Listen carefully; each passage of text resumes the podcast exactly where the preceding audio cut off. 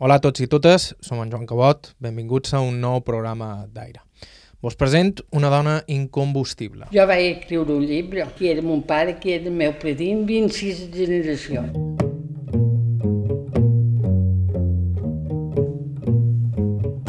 En realitat, més de 6, fins a 7 generacions amb el mateix nom i cognom té comptades la nostra protagonista, Margalida Mollà, filla del metge de Lloseta, Baltasar Mollà Coll, i germana del metge de Lloseta, Baltasar Mollà Borràs. He trobat set baltasans. Baltasar Mollà Martí, Baltasar Mollà Sales, Baltasar Mollà Coll, Baltasar Mollà Borràs, Baltasar Mollà Rosselló i Baltasar Mollà Ramon.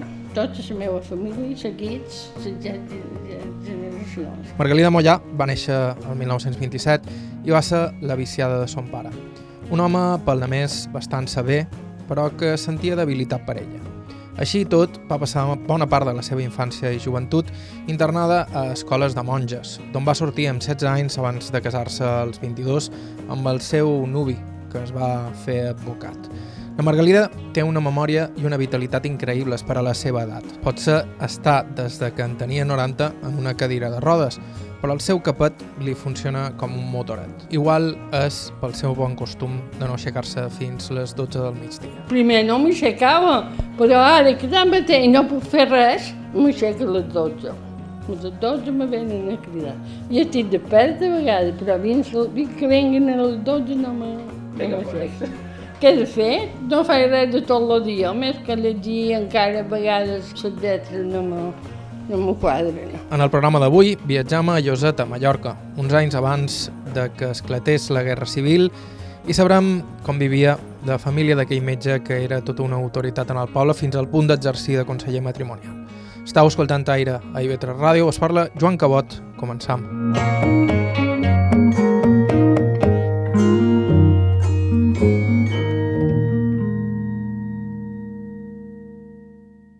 Jo feim, com sempre, amb les presentacions. En aquesta ocasió, un poc més caòtiques. Ja m'ho podeu dir? Sí, quan vaig néixer? I, i com vos Dia aneu? 4 d'abril de 1927, a Lloseta. I el vostre nom complet és? Quin és el vostre Margalida Mollà Borràs.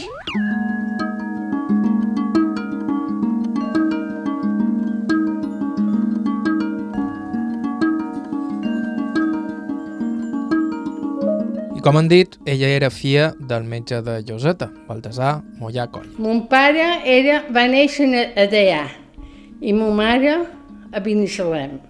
Mon pare era el metge de Lloseta quan jo vaig néixer. I el meu abuelo era el metge de Deià. Aposta va néixer mon pare a Deià, quan Sal Xiruc era. Jo coneixia Sal Xiruc i feia això. I, i ma mare era de Binissalem.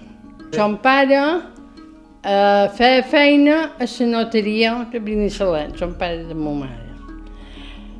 I, I el meu predí també era metge, només Baltasar Mollà, també com mon pare. He, he conegut set Baltasar Mollà, conegut no, ten referència, perquè uh, el, predí, el predí de mon pare no l'he conegut. El predí de mon pare era un barber que estava davant el principal i li devien anar molt bé les coses, perquè tenia cinc fills i en aquell temps hasta les filles les va dar carrera. Eh, Treia, treia queixals, eh, eh, d'això anava eh, vesprers, sap que són vesprers? Perquè aquests joves no sabeu moltes paraules, jo les cerc, i la meitat de paraules no sabeu què se diuen. Vesprers són un gran que sortien, ara no n'hi ha perquè sabeu que en la penicil·lina, moltes malalties, eh, que sortien per escoll, per darrere escoll, eren un granots així, principalment en els homes, i les havien de xapar. Igual que les ventoses, sap que eren ventoses. També posaven ventoses quan tenien la sang alta per baixar la sang. I, aquest, i el meu repredí, repredí, ho feia. I estava, a fins ara s'ha conservat allà on tenia eh, la barberia, però ara ja fa un parell d'anys la van advocar. En el cap de cantó, ben davant el principal, hi havia com un, hi ha un, un de dueres ara, però hi havia com un entresuelo, que era allà on estava. Això era el seu repadrí. El seu padrí El predi, el predi meu era metge i se va morir l'any del grip, l'any de nou, quan hi va haver aquella gripada. I tenia 60 anys i feia de metge a Binissalem. Aposta, mon pare va conèixer ma mare a Binissalem. Mon pare sempre deia que havia fet la comunió a l'Aró. Sabeu que quan, quan tenia 6 o 7 anys, no sé quan la va fer, se'n va anar de metge a l'Aró, perquè la meva abuela Gironi, la mare de, del metge, era de Binissalem, era de Can Jaitit, era de Can Barradó. Has sentit parlar de Can Barradó? Era una família, ara Coll, una família Coll, que n'hi havia, eh, era molt grossa a Mallorca i tenia molt de dobbers, i li deien de Can Barradó. Perquè l'abuela no, no tenia dobbers, perquè quan, quan eren petits se va morir la mare d'un part, de la meva abuela, que tenien, ja tenia quatre germans, i se va morir d'un part. I l'home, a cap de tres mesos, va morir d'amor perquè anava cada vespre al cementeri i hasta va destapar la tomba per dir-li que veus a la dona se va morir d'amor. I, to, I tota aquesta fortuna va passar en mans de tutors i les van fer tot ull. Les van deixar, perquè cas català, cantar per tot això era seu. Era que tot el carrer major també era seu totes les cases, i tot les ho van vendre, i se van quedar sin nada.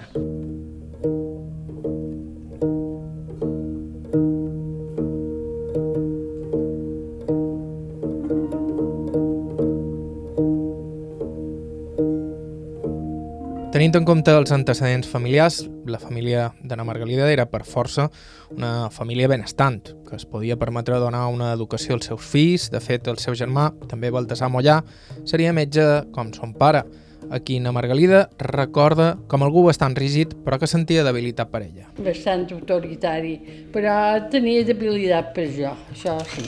Ma mare no, ma mare era al revés, ma mare era una dona dolça, carinyosa, molt, tenia por de tot i mon pare sempre mandava, sempre mandava. A mon pare era molt machista i, i era, molt, era molt franquista, perquè a nostra sempre hi va haver el retrat d'en Franco penjat dins el menjador.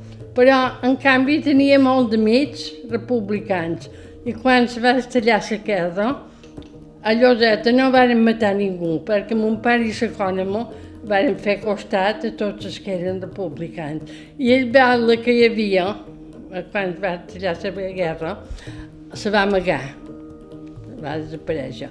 I, I va estar un parell de pit malalt, perquè estava una caseta de dia baixava dins un poc que no hi havia aigua i en la nit sortia i, i a casa seva li duien anar a una caseta i duien menjar i va estar un parell de pit malalt i mon pare el va anar sempre a visitar i mai i va estar 30 anys o això amagat. Havia, ja feia molt de temps que havia acabat la guerra i encara no va sortir.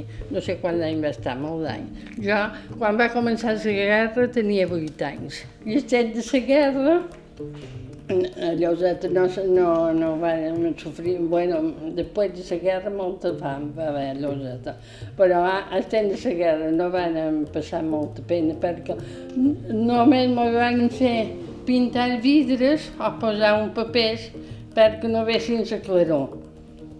I, i després, quan, quan havien de sentir d'avions, on anàvem a un soterrani que per un sector, si haguéssim mollat una bomba, haguéssim mort tots. Un soterrani que feia rigures, a casa nostra teníem que tenien la bugaderia, saps què la bugaderia?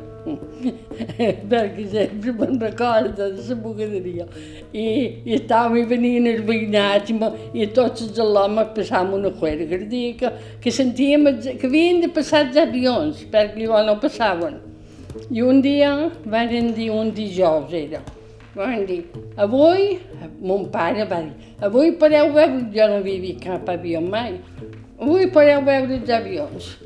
I amb això van passar els avions i tothom de fora fent mamballetes i, havien, i eren rojos i havien tirat les bombes a Ico, havien dit que serien nacionals. I després, de, quan van anar a Roges a Manacor, també hi escoltava molt. Mon pare tenia una ràdio i la posaven damunt una terrassa que teníem i venien els veïnats. Els partes, els partes eren sagrats, els partes de matí i del vespre. I ara, ara entraran a Madrid, avui o entraran a Barcelona, això jo, jo ho sentia, jo tenia 8 anys, tampoc no, no me n'enterava molt. Potser no en tenia del tot de què anava tot allò, però sí era prou gran com per haver estudiat en temps de la República i conservar-ne encara records. Quan jo era petita, me, me van posar a, a, una, a doña Francisca Catanya, una mestra que hi havia a Lloseta, que era amiga de ma mare. Però llavors, quan va, va entrar a la República, van fer tot la religiós, ho van llevar i el Sant Cristos i tot. Com que jo tenia cinc anys i m'havia de preparar per, com, per congregar, me van endur a les monges de Sant Franciscanes, que estaven a Lloseta. I vaig estar allà i que vaig fer la comunió. I llavors, als vuit anys, me van posar pensionista a la puresa. Digue hi vaig estar 8, 7 o 8 anys a la puresa perquè llavors vaig fer un parell, allà no podíem fer més que un parell d'any de, de batxiller i després vaig haver de passar a la puresa de Palma. Però no hi vaig estar molt a la puresa de Palma perquè vaig tenir una anèmia. I son pare va voler tenir-la més a prop, a Inca, però també internada. I aquesta experiència la marcaria de per vida. Me va marcar molt, perquè mon pare me tenia molt vaciada quan que era petita, me tenia molt vaciat.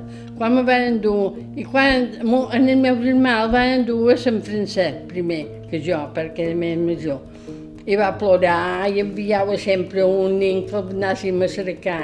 I jo, quan me van endur a la puresa, també me vaig enyorar, però no vaig voler plorar vaig estar allà, me vaig aguantar i, i això me va fer canviar, jo era una nina que sempre reia, estava contenta, me va fer canviar el caràcter. Uh, no vaig ser mai la mateixa. Jo, mon pare sempre me tenia, me tenia molt vaciada i llavors sempre vaig tenir com un, un no sé què contra, contra ell, com si m'hagués arrencat qualque cosa. No li vaig dir mai. Ni, ni se'n va dar compte que m'hagués enyorat ni res.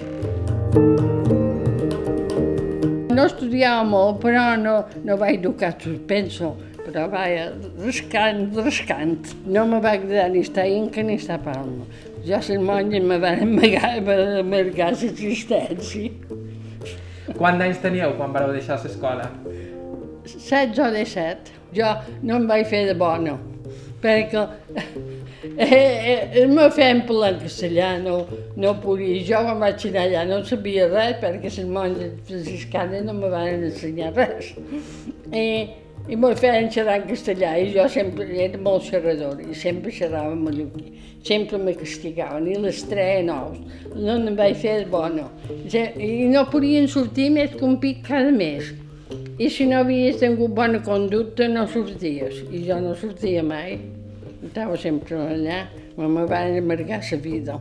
I de més, allà diumenges me'l duen a passejar una mica, els monges i res més. I la resta del temps què fèieu?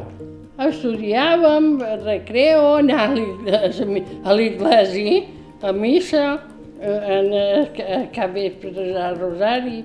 I mon pare, com que jo vaig estar, era molt senzilla, no tenia massa gana. I mon pare li va dir a monges que no m'havia posat en el col·legi perquè jo anés a missa, que me deixassin dormir fins a les 8 era un bat de baix i me van deixar, perquè jo m'aixecava pressa i llavors m'ocupava allà perquè, no sé, estava prima. Era Margalida Mollà Borràs, nascuda el 1927 a Lloset, a Mallorca. Continuem amb la seva història després de la pausa.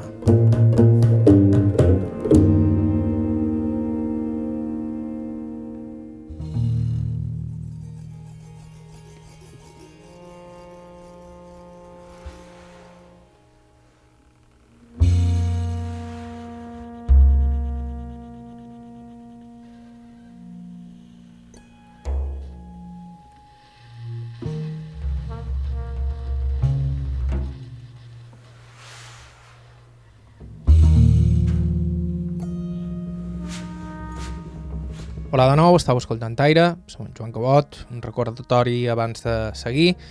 Sempre estem cercant testimonis interessants, gent que ens pugui parlar de com eren les coses abans o que hagi viscut fets insòlids o directament personatges amb històries de vida interessants.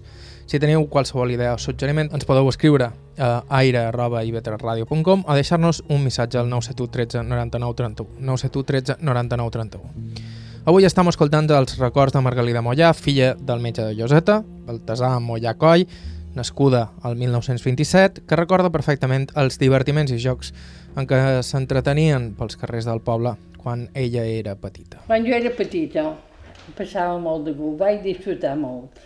Jugava pel carrer, jugàvem a les cimpredetes, amb les nines veïnades, als vespres, quan estava la gent a la fresca, jugàvem en els quatre cantons, saps què els quatre cantons, això, a conions, i, teníem com a pandilles i mos bareàvem, i això, i el veïnat, sí, el veïnat, tots els veïnats eren molt amics, molt amics.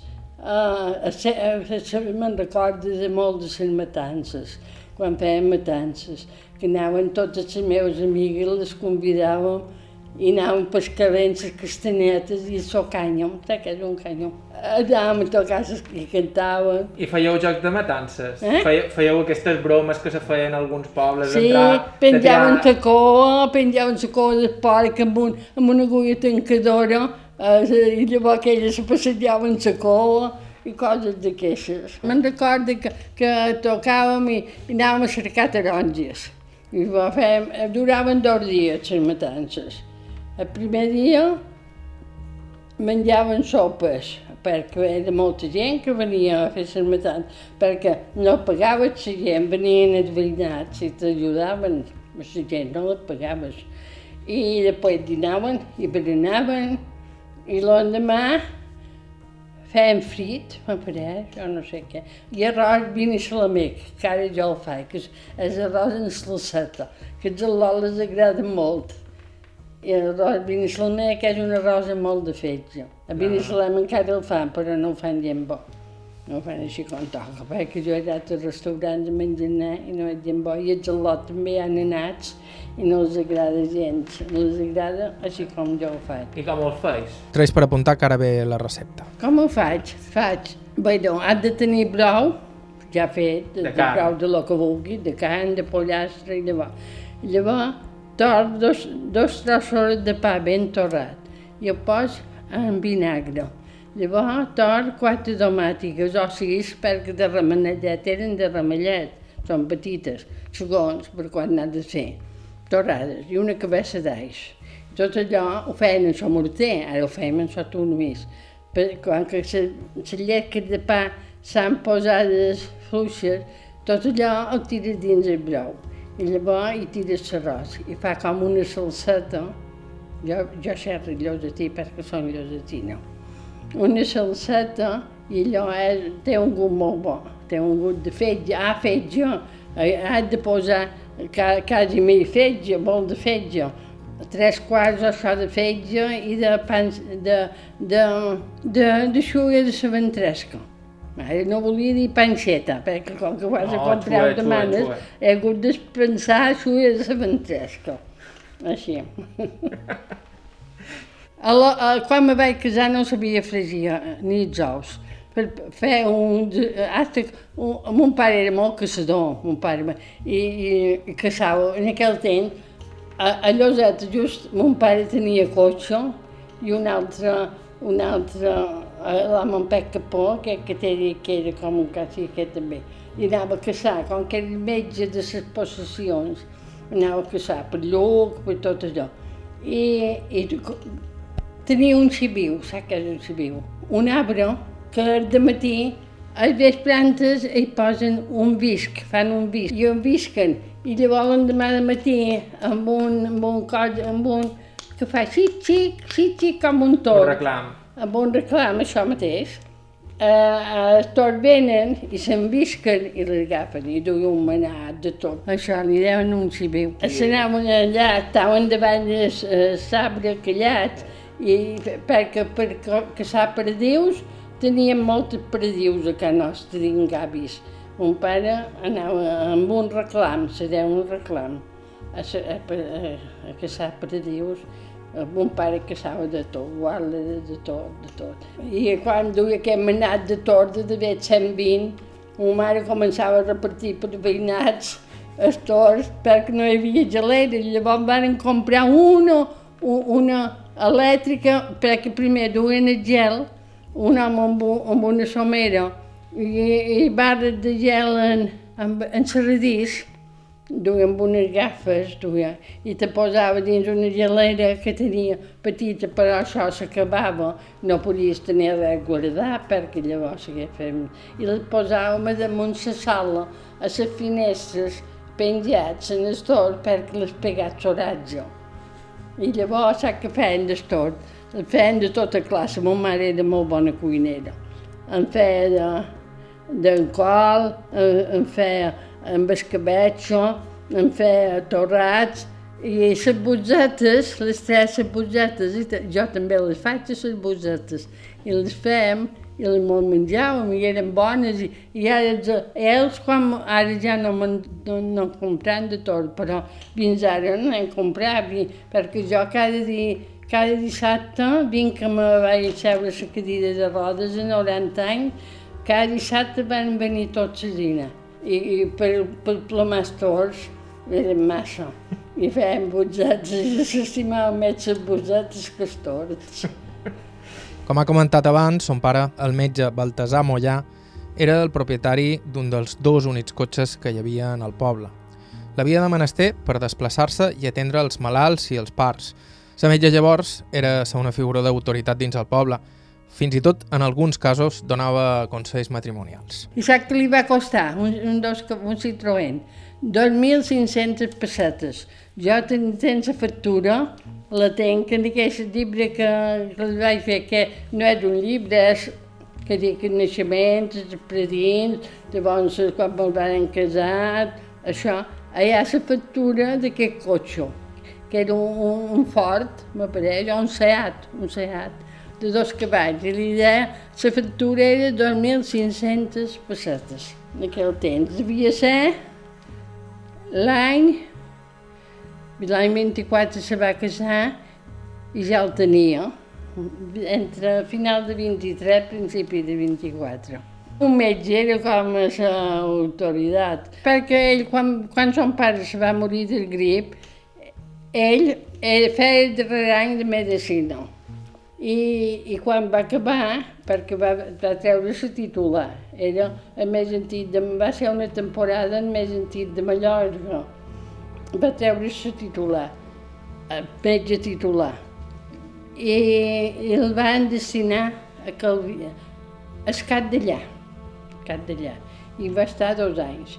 Quan estava Escat d'allà tenia un ego i un cabriolet, i anava a visitar en En Xego Xego. i el cabriolet. Llavors va venir a Lloseta, va, treu, va agafar la titular de Lloseta i va venir a Lloseta i va, i va comprar el cotxe. No sé si un any va tenir encara el cabriolet.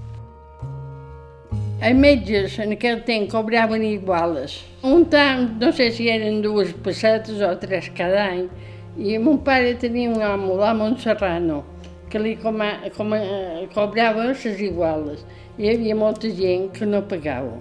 I ell sempre, cada any, duia es, es, un, ser, un, un serragó, o no sé què se deia, com un nieró de, de, com si fos, d'això d'espart. I duia els dobbers que li havien dat. I, i, i, mon pa, i duia el bloc que li havien pagat. I sempre tenien la xemeneia encesa perquè era per, per, per Nadal. I la Montserrat, "No, aquest no m'han pagat, n'hi ha molta gent que no m'ha pagat. I mon pare tira el bloc en el foc, que jo no vull saber. Perquè jo som el metge de tots i no vull saber qui me paga i qui no me paga. Això sí que ho tenia mon pare. No era com el metge d'ara. Mon pare feia de tot, era un gran metge, mon pare. Eh, a, a la mina se cremaven i duien els cremats amb una, amb una escala. No hi havia sondoreta, no hi havia res, les curava. Llavors, els pares també anava per Binissalem i per, i per Inca, en els pares anava molt a, a ajudar a parir les dones. Sí, eh, le- l'estimaven a Lloseta, no hi havia altre metge. L'estimaven molt. Quan se va posar malalt, tots els veïnats se bareaven per venir mos a, fer, a ajudar als vespres a fer guàrdia.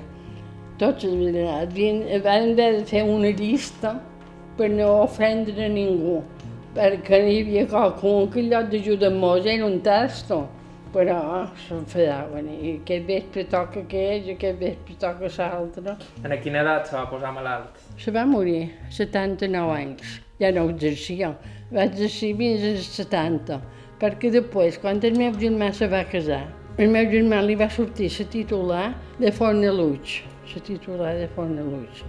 I, meu, I era la mateixa categoria que la de Lloseta, la titular de Fornaluig, la mateixa categoria. I mon pare, llavors, perquè va- festejava una de Lloseta, la predina de la, de la Catalina, perquè vengués a Lloseta, li va, va bretar la, la titular. Ells, mon pare no hi va anar mai, va agafar la de Font Lut i germà va venir Lloseta i els metges de Solla li feien els, servicis a mon pare. I ell, com que era el més antic de Mallorca, quan se va morir el metge titular d'Inca, va poder agafar la titular d'Inca. Però tampoc no va exercir mai a Inca. A Inca només hi anava a fer autòpsies i a, i a filmar els partes, perquè un metge jove li, li feia.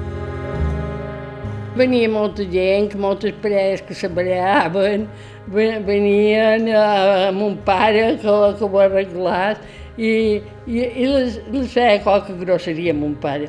I un, un dia va venir, un, quan sopàvem, perquè hora de sopar de dinar sempre venien. Quan estàvem a la taula va venir un home i va dir, don Baltasar, la meva dona fa tres dies que no me deixa dormir perquè té mal de. I això, el papà li va dir, dona-li una tassa de cascai. I, i l'endemà va tornar a venir. No, don Baltasar, to, no ha dormit de tota la nit. I do- dona dues, dues tasses de cascai, saps què és cascai? Eh, droga. Però les farmàcies en venien, tenien un caixó que se deia cascai, jo me'n recordo quan era petita. I l'endemà va tornar a venir i diu, don Baltasar, la meva dona no se despert. Diu, i què vas fer? Diu, n'hi vaig dar tres perquè estava avorrida. I un altre també, quan van començar a venir su- supositoris, no, perquè cada dia de matí a casa nostra venien els malalts, hi havia molt, tots els malalts. I mon pare les visitava, s'aixecava tard, mon pare. Mon pare, fins a les 11 no baixava a fer la visita. I la, primera paraula que jo sentia el matí quan m'aixecava era anau a cercar escamollar. Saps què és escamollar? No. Veus, jo ho vaig dir i ho van posar en el diccionari. Escamollar és s'encimada. Mon pare sempre berenava de xocolata en dues encimades. I cada dia de matí havien d'anar a cercar escamollar. Jo va venir en el despatx un, un home que tenia angines i el papà li va receptar supositoris. I aquell home no li passaven les angines. I la, i idea, anirem a Don Baltasar. I la dona deia, Don Baltasar s'enfadarà, perquè s'enfadava a vegades, s'enfadarà. Espera un poc, no, no me passa, no me passa. I llavors vàrem venir. I el papà va, va dir que no li passava. Diu, i diu, don Baltasar, duia el supositori posat amb un mocador en el coll. Diu, i, i, i, i, i no li ha fet res, aquests tres dies no hem... I el papà li va dir, en el cul s'havia de posar. I aquella dona va dir, ho veus, ja te deia que don Baltasar s'enfadaria. Com han dit, el metge era, amb el mestre, l'apotecari i el capellà, una de les forces vives de cada poble. A Lloseta també hi havia el comte de Llamans, però si bé, quan a Margalida era nina, el comte encara era viu, la família ja estava arruïnada per llavors. Pues conte, ja, ja quan jo vaig néixer, el, el conte encara era viu. I les germanes de conte venien, a, a, a, però el conte va fer ull quan jo era petita. va quebrar i va vendre les coses. I a casa nostra tenien moltes coses i a casa meva sogra sí que tenien, perquè a casa meva sogra eren els, els amos de l'Estorell, el meu sogre i la meva sogra. I estaven de posaders en el, en el palau de, de Can Marc, que se diu era descompte de diamants, descompte de diamants. La meva sogra tenia moltíssimes coses, jo, no sé si el tenen res, però jo encara tenia moltes coses. I les seves germanes venien sempre, quan jo era petita, les germanes descompte, sí, a demanar, a demanar tot bé, eren a mon pare i a l'altra gent que coneixia. Però a mon pare li daven una sobrassada o qualque cosa, perquè quan no tenia gent, no tenia gent, no sabia que se pescava, ho regalava tot, tenia l'ous i, i aquests l'ou de, de cas català van valer una fortuna i li va regalar a un empleat seu. Llavors, quan va venir en Marc, quan ho va comprar en Marc, doña Leonora a vegades venia. I mon pare sí que hi anava. Però quan era petita, aquest home que te digui la mon pec capó, era la va fer de, se cuidava de, de pelar. I quan érem petits anàvem a jugar pel jardí i això, perquè ella tenia les claus. Era Margalida Mollà Borràs, de Joseta, nascuda el 1927. Fem una breu pausa i continuam amb la seva història.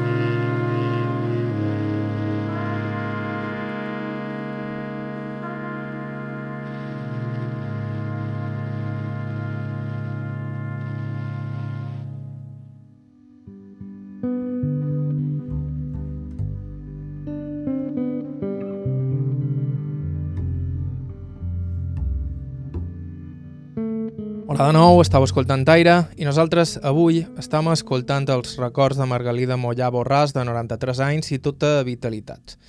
Ella va néixer a Lloseta i hem parlat ja extensament de la seva infància i joventut.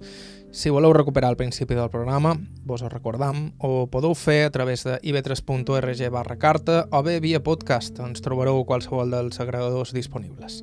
La Margalida va sortir de l'internat de monges quan tenia ja 16 anys. Per a llavors ja tenia pretenent, amb qui es casaria als 22. En els 15 anys ja tenia un nòvio, sempre va ser el mateix. I en els 22 anys me vaig casar. I com ho fèieu mentre estàveu internada? Vos, vos escrivíeu? Això no, no s'escrivia. A mi ell estudiava d'abogat a Barcelona i llavors va fer les milícies i vam estar molt de temps separats. Ens escrivíem una carta cada dia. I en els 22 anys vos vareu casar? Me vaig casar, sí. Com I va- va anar a viure a Inca, I això, que vareu anar a Inca? perquè va posar el despatx a Inca i vam anar a viure a Inca i vam viure 12 anys. Com era el vostre home? No sé, no, no era, no era autoritari, el meu home no era autoritari, però li agradaven molt els amics. Tenia molt d'amics i sempre per aquí, per allà, amb els amics. Llavors no era com ara, jo ara veig la meva neta que té un, un nen petit i tot el temps, som tot el temps al passatge. Jo em vaig tenir, en tres anys em vaig tenir tres i el meu home no em va agafar cap mai. Em deia que, no, que li tenien por que no li caiguessin. no li queia. Quant, quant d'anys teníeu quan vareu tenir el primer fill? 23. Molt Llavors, cap d'un any, 24, un altre. Després, tres anys, un altre. En els tres anys que era casada. I després, en els, en els nou anys, vaig tenir la petita. Havent estudiat tants anys i havent-se criat en una família benestant, la Margalida no sabia cuinar, així que ho va haver d'aprendre tot. I en aquells temps ho va passar bastant malament. No sabia fer res. Va fer, vaig passar unes misèries. Els dijous a Inca, com que venien els pagesos, els dijous era el dia que anaven a l'abogat. I a de Lloseta també venien. I venia un cara ja mort, perquè el meu home tindria 90, 97 anys ara.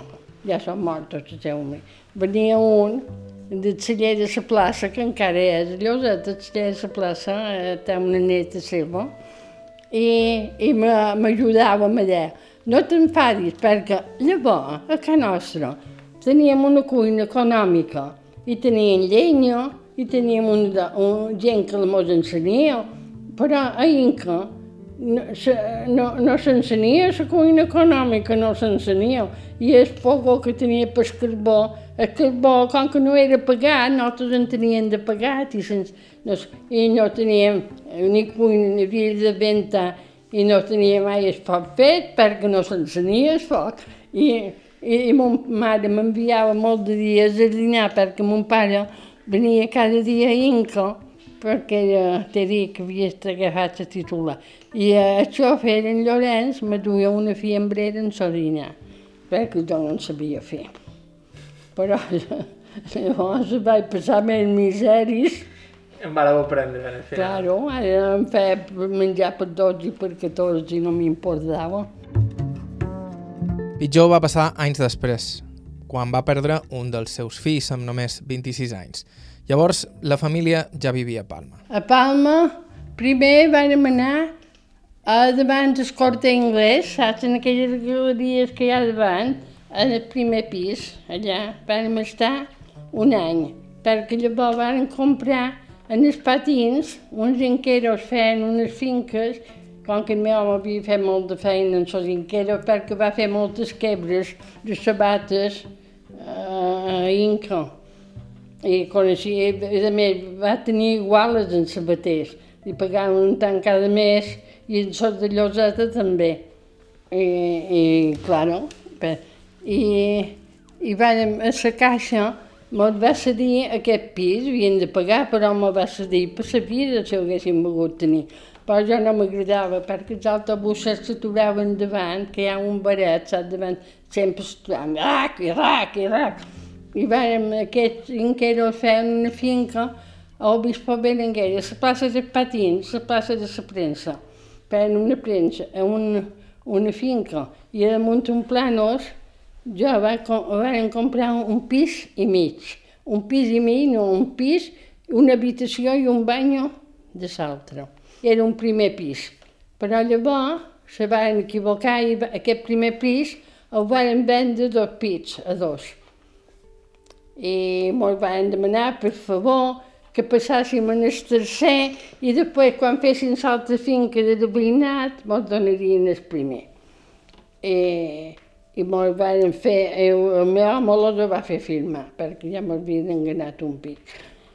Vàrem viure en aquest pis i llavors quan va acabar l'altre edifici mos varen cedir l'altre, però jo no hi vaig voler anar perquè ja, ja estava acostumada allà, ja havia fet els coneguts que encara ara hi estan, i era un edifici de vells, allà de vells 14 de vells com jo, que fa, que fa 55 anys o 56 que vivim allà. I ara a la fi ens han fet una rampa, perquè no tenien rampa, i n'hi ha dos o tres que van a cadires de rodes, ells una guarderia, o ells allà, tots allà estem, i sap què fem? Cada cap vespre, ara, però ara jo jugant de 3 en 3, perquè hi ha coronavirus. Però cada cap vespre jugam a Rumico, quan som a Palma. I, i, i, són d'haver 700 o 800 anys, si les comptam a tots. Però llavors vaig anar a viure a Meravilles, perquè el meu home no eh, va deixar, quan se va morir el meu fill, va deixar de fer d'abogat, no va voler fer més. I teníem, teníem un hort, que no era un hort, li deien sort, perquè eh, en el polígono de Sonons, però no hi feien res, eh, ho faus, el pagès hi ho faus. Però llavors se'n va anar el pagès amb un molí i vàrem posar, ai, perquè havíem posat un bar, vàrem anar a viure a Meravilles. Com es deia el bar? Com es deia el Toro bar? Bravo. El Toro Bravo. I el meu home, uh, riguent, riguent, mon pare tenia un cosí que, se, que se, era s'apoderat de la plaça dels toros. I sempre anaven en els toros. I, i van comprar Varen comprar tota la corrida, el meu home amb aquest cosí de mon pare que era aparejador, i, no aparejador, no, procurador, i a vegades feia feina amb ell, van comprar tota la corrida, perquè això li agradava molt al meu home, comprar coses, tota la corrida. I li van embalsamar una, un bou sencer i dos el cap. I va, i va, tenir, va dur el cap d'un bou i va fotre dins el menjador. Nosaltres ja vivíem a meravella. I el gelot, el seu bou allà, un dia que no eren, li van calar foc en els pèls. I va dir, ah, jo vaig dir, jo no vull aquest bou aquí de dins. Van, bé, I doncs farem un, farem un bar i li diem el Toro Bravo. I teníem un, un sòtan a baix i, i se va posar, per sí que li agradava molt al meu home, un picat sent lios. Però llavors, quan hi estava ficat, ja em volia sortir. I van fer el Toro Bravo. I llavors, Toro Bravo mos dava dos bes, ho feien, ho duien els camarers, però mos dava dos bes. Eh, eh, I el meu home va dir, el Toro Bravo me dona els mateixos bes que jo guany i no he de passar pena. Jo deixaré la carrera. I llavors vam fer la Paloma, en el costat, que encara hi ha uns souvenirs, i llavors, com que feien renou, i no podíem a baix i del lot tornaven grans i son pare no volia que estiguessin tan a prop del bar, van fer un xalet més amunt, que ara el tenim venal, que aquí vam anar a viure. En aquells anys aquella zona era molt diferent a com és ara. Només hi havia un hotel, la resta, na Margalida els ha vist fer tots. Oh, el meu home va haver de doblet en tots els veïnats, no volien cap bar i ara tots són bars i hotels eh, per, per fer, però com que era abogat, va doblet i ho va guanyar. I ja se vivia, se vivia, bé, era diferent, la gent se coneixia també, la gent perra feien verbenes, la gent, la gent jove feia com eh, balls i això. I a la playa també, quan van venir les primeres sueques, eh, va ser gros l'aconteixement. Tots els hotels els havia fet, claro. Eh, a San Francisco estava fet.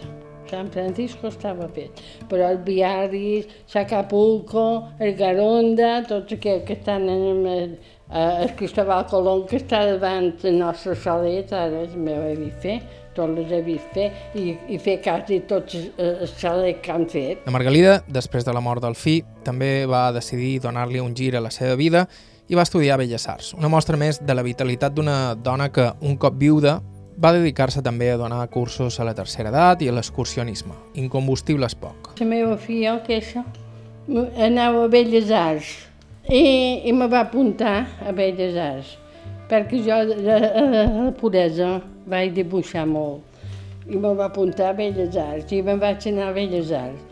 Vaig fer un curs amb en Carrió, un pintor que hi havia, però per Nadal, per Pasqua, un cotxe el va matar en Carrió. I jo me vaig tornar a fer mal d'aquesta altra mort i me vaig esborrar. Després una amiga meva me va dir que anava a pintar amb un tal Ribeiro, i això. I jo vaig dir que pintura m'aniria bé, perquè allà jo feia carboncillo a, a, a l'institut.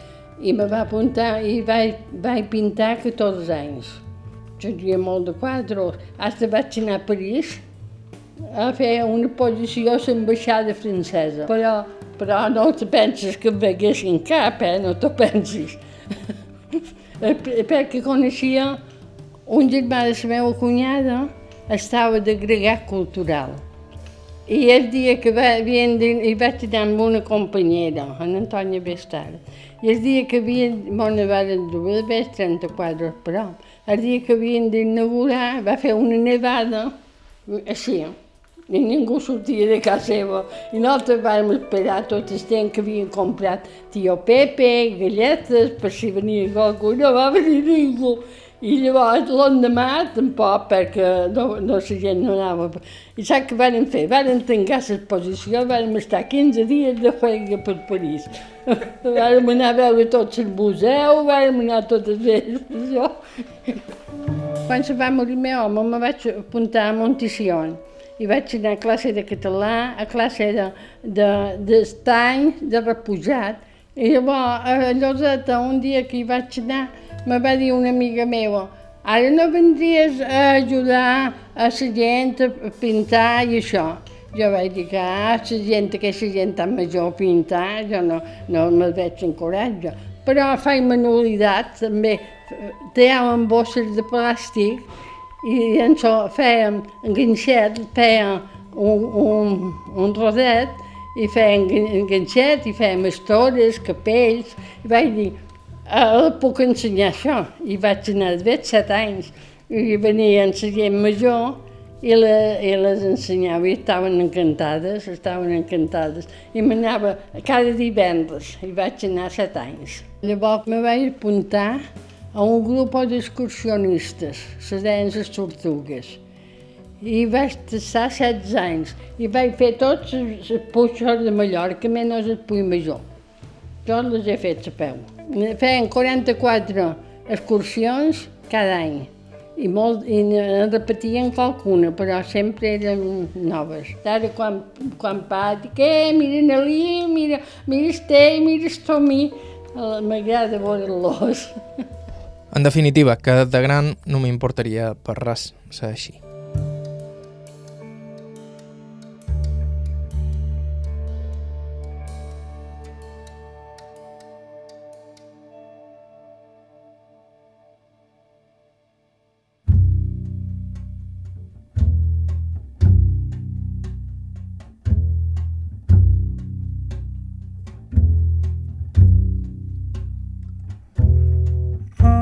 Fins aquí el programa d'avui. Moltíssimes gràcies a Margalida Mollà i la seva filla pel seu temps i amabilitat i gràcies a Cati Mollà per suggerir-nos aquesta entrevista. Si teniu alguna proposta ens podeu escriure a aire.ivetresradio.com o deixar-nos un missatge al 971 13 99 31. Podeu escoltar aquest i tots els nostres programes anteriors a ivetres.org barra carta i també vos podeu subscriure al podcast d'Aire a qualsevol dels agregadors disponibles. La música que ha sonat en el programa d'avui ha estat de Joshua Abrams, Jacob Bro, Marisa Anderson, en Jim White i Chris Speed Trio. Bàrbara Ferrer, la producció executiva, vos ha parlat Joan Cabot. Gràcies per ser a l'altre costat i fins la setmana que ve.